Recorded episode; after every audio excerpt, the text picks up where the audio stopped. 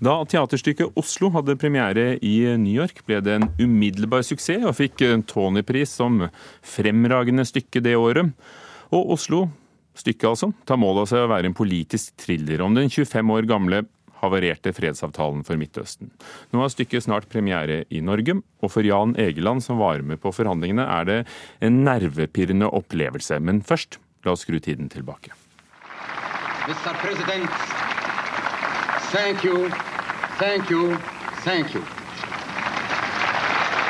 Leder Yasir Arafat i Palestinas frigjøringsorganisasjon PLO takker USAs president Bill Clinton på plenen utenfor Det hvite hus i september 1993.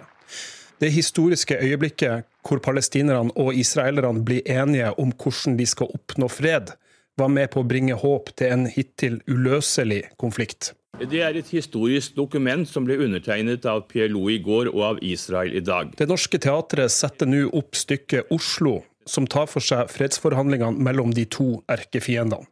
Stykkets hovedpersoner er diplomatene Terje Røe-Larsen og Mona Juel, som sto i spissen for å legge til rette for at partene kunne møtes i Norge og bli enige om en vei til fred. Jeg vil, jeg vil kalle den for en, en, en politisk thriller med komiske innslag. Det sier regissør Stefan Larsson, som er ansvarlig når stykket nå settes opp i Norge. Det, det, er, en, det er, et underholdningsstykke. Det vil si ikke en eh, eh, politisk innlag eller politisk kommentar. Det synes jeg ikke. Det er en fiksjon. Oslo er skrevet av amerikanske JT Rogers, som fikk inspirasjon etter en samtale med Terje Rød Larsen. Rollen som Mona Juel spilles av Kjersti Dalsede. Måten jeg har jobba med, med, den karakteren på, er gjennom det manuset som på en måte foreligger. Så jeg har på en måte lest, lest meg opp på historien og hørt intervju og sånn med Mona. Men det, men det, er jo det er Mona Juel, men òg en fiktiv karakter. Jan Egeland var sentral under arbeidet med Oslo-avtalen, og han forventa ikke at samtalene mellom partene skulle bli kjent for omverdenen. Det er jo helt uh, uvirkelig for oss som var del av det som var en hemmelig diplomatisk bakkanal, som vi kalte det at i dag er teaterstykket mange bøker, eh, hundrevis av eh, TV-programmer, dokumentarprogrammer. For vi trodde jo den gangen, jeg trodde i alle fall den gangen at dette skulle forbli en hemmelighet. Men Egeland syns ikke det er bare er stas å skulle bli framstilt i et teaterstykke? Jeg har i grunnen ikke gått på verken på den oppsetningen i London eller i New York, selv om jeg har vært begge steder og blitt invitert til å gå. Jeg er litt redd for at det blir, blir eh, jeg vil sitte og tenke ja, det var jo galt, og sånn var det ikke. og fordi Du tror nærmest du går til en dokumentar, men det er jo klart det er jo fiksjon. Jeg forstår at i London og, og New York er jeg skrevet inn som en gammel eh, halvsur eh, utenriksråd. Uh, jeg var jo en meget ung og og, og litt eh, småvill eh, statssekretær på det tidspunktet. Eh, så Var det noen komiske innslag under forhandlingene? Ja, det var det jo veldig mye av. Vi hadde jo mye humor eh, overfor hverandre. Eh, altså, både israelerne og palestina, jeg vil kanskje si spesielt israelerne, var egentlig, hadde veldig mye humor. Eh, og og vi eh, tok jo ofte og karikerte hverandre og parodierte hverandre. Etter at Oslo-avtalen ble underskrevet og partene fikk Nobels fredspris, kollapsa fredsplanen. Og i dag er utsikten til fred mellom Israel og palestinerne dårligere enn på svært lenge. NRKs tidligere Midtøsten-korrespondent Odd Karsten Tveit oppsummerer på denne måten. Det var en palestiner som sa at det, det eneste positive som står igjen etter Oslo-avtalene, er tre nobelpriser og et teaterstykke. Resten er bare dritt. Vi var der på et heldig tidspunkt i historien, eh, og så var vi uheldige. Eller kanskje ikke flinke nok, sammen med amerikanere og alle de andre, da vi prøvde å gjennomføre avtalen. Og reporter var Oddvin Aune. Og en av de sterkeste stemmene i debatten i Israel om eh, fredsforhandlinger og en tostatsløsning er forfatteren Amos Oss, som døde fredag. En tidligere Midtøsten-korrespondent og eh, hans norske forlegger kommer hit til Nyhetsmorgen om en, et kvarters tid for å snakke om Amos oss politiker og forfatter. Årets mest strømmede TV-serier i Norge i 2018 er nå rangert. Og Oddvin Aune, reporter, her er du igjen. Er det noen store overraskelser? Ja, Du kan jo se eller høre om du drar kjensel på hvilken serie som er på andreplass. Det overrasker meg i hvert fall.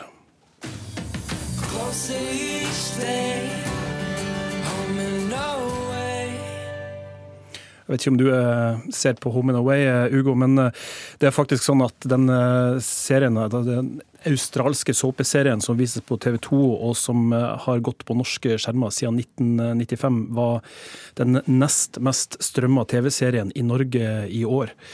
Det viser i hvert fall en oversikt som mediebyrånettverket Group M har laga, og som Dagens Næringsliv refererer til i dag. Denne serien ble spilt av 9,5 millioner ganger i 2018, og det er bare NRKs Side om side som har blitt strømma mer, faktisk. Og i vårt lille land er det ett spørsmål som melder seg da. Hvordan er det mulig? Ja, det må jo sies at denne oversikten måler antall strømmede episoder, og Home and Away kommer jo med fem episoder i uka, og det finnes over 7000 av dem i, eh, i, arkivet. Så det er jo åpenbart en fordel der. Dermed så er det jo vanskeligere for eh, serier med få episoder å gjøre det bra på en slik oversikt.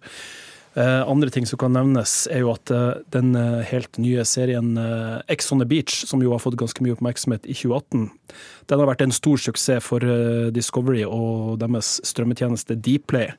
Og den uh, serien tar en uh, femteplass på lista over de mest strømma seriene i 2018. Og så må vi legge til at uh, denne oversikten den tar ikke med seg rene strømmetjenester som HBO eller Netflix. Det er riktig.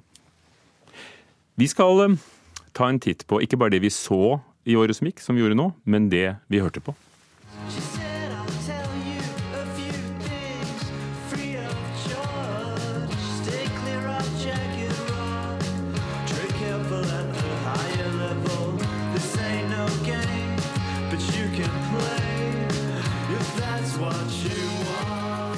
Marit Johansen, musikkanmelder i NRK P3. Hva er det beste som har skjedd ifølge deg i musikkåret 2018? Shit, det har vært et veldig veldig bra musikkår, vil jeg si. Men også den låta som vi hører i bakgrunnen her, fra Rolling Black As Coastal Fever, altså Mainlands, er noe av det kuleste jeg har hørt i år. Hvorfor? Jeg er liksom en av dem som fortsatt er ganske fan av den gitaren. Altså. Og selv om indie-rocken er litt sånn litt på vei ut, i hvert fall fra liksom de kommersielle listene, sånn, så er eh, det albumet eh, som den låta her er fra, Hope Downs, er liksom et sånn komplett godt album fra start til slutt. Og det er sånn, Man hører på det uten å ville avslutte, på en måte. Det er sånn Oi, plutselig var den ferdig, liksom. Samtidig som det er veldig sånn good feel, sommerfølelse av det. Så jeg blir veldig sånn glad når jeg, når jeg hører det nå. En god følelse som vi definitivt trenger på årets siste dag i, i desember. Eh, det er den gode følelsen. Hva, hva er den dårligste musikkopplevelsen? Det er en kritikers lodd. Oh, det, det, skal veldig mye til for at jeg syns noe er skikkelig dårlig eller ræva. Eh, men egentlig det som jeg syns har vært mest irriterende i år, er at alle de reality-deltakerne har eh, utnytta kjendisstaten sin, sin og laga drittlåter, rett og slett. Og en rolig shout-out til blant annet til Frank Løke, Erik Follestad, Linni Meister, eh, Mats Hansen. Eh, jeg, jeg, skjønner hva de vil, på en måte, men jeg, jeg syns ikke det er morsomt nok, på en måte, så jeg føler meg som en litt sånn grinebitter, kjip dame. Men altså, det, det blir for dumt. Det blir for dumt. Her får vi i hvert fall rene ord for penga. Ja, men altså, er du gæren? Hvilke tendenser, for å stille et stort spørsmål, ser du i eh, musikken i året som er gått? Jeg syns eh, litt sånn som jeg hengte igjen fra 2017, er at det er veldig mye R&B og litt sånn hiphop-tendenser, samtidig som det er veldig mange sjangerkrysninger, på en måte. Det er ikke så veldig mye som er på en måte ren pop eller ren rock eller ren hiphop lenger. Det er veldig mange ja, tendenser innenfor hverandre. Da. Sånn, det kan være en rockelåt med elektroniske elementer, f.eks., eller med litt R&B. Det er veldig sånn vanskelig å sjangerdefinere, rett og slett. Men det er fortsatt veldig mange som er litt på den der ja, R&B og hiphop-bølgen fortsatt. Og så var det et fenomen som slo an først i USA. Veldig amerikansk. Låten heter også This Is America, og så over hele verden. Hvem er Childish Gambino, og hvorfor ble dette et fenomen?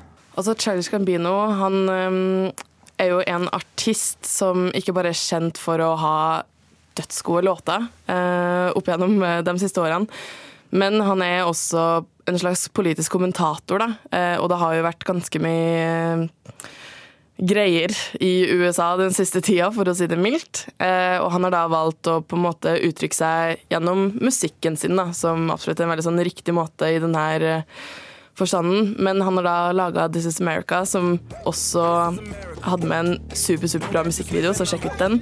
Eh, som handler litt om hvordan livet i USA er i dag, da. This is America.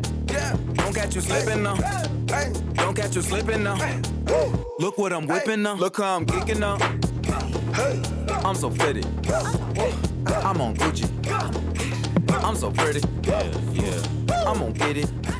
Hvis vi forlater eh, USA og titter litt på oss selv, hva har dominert i, i norsk musikkliv? Altså, Det som jeg syns har dominert veldig, er altså, Vi har kommet dit at vi snakker veldig mye om følelser. Veldig, liksom, det er greit å ha det dårlig, på en måte. Og blant annet sånn Emilie Nicolas har jo kommet tilbake etter mange år borte fra musikkscenen, men hun kommer tilbake med et kjempeflott album, eh, 'Tranquil Emil', for et par måneder siden, som også bare sånn klarer å sette ord på liksom alle følelser man har, og ja, som sa, det, det, er greit å ha det litt dritt. Eh, samtidig som eh, Urørt-vinneren Girl in Red, for eksempel, um, snakke om liksom at hun liker jenta. Liksom, sånn, folk vrenger seg kanskje litt mer da, uh, enn tidligere. Men det blir bra? Men det blir bra. Det er nettopp det som er så flott. Marit Johansen, hvis jeg spør deg om en overraskelse. Årets uh, nykommer. Det er da noen som heter Hubba Bubba Klubb, som kanskje har liksom florert mest i undergrunnen. Uh, fordi de har hatt mest sånn klubbkvelder litt sånn her og der, på Jeger blant annet. Eh, der de har spilt DJ-sett og sånn. Men for første gang så har de da kommet med et album eh, som heter 'Drømmen drømmerne drømmer', bare for å gjøre det ekstra vanskelig å si. Eh, som da er et album på norsk.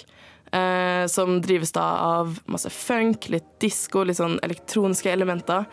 Eh, og det også er et sånn album som man da digger fra start til slutt. jeg bare titt, jeg bare datt, jeg bare satt Det er midt og matt.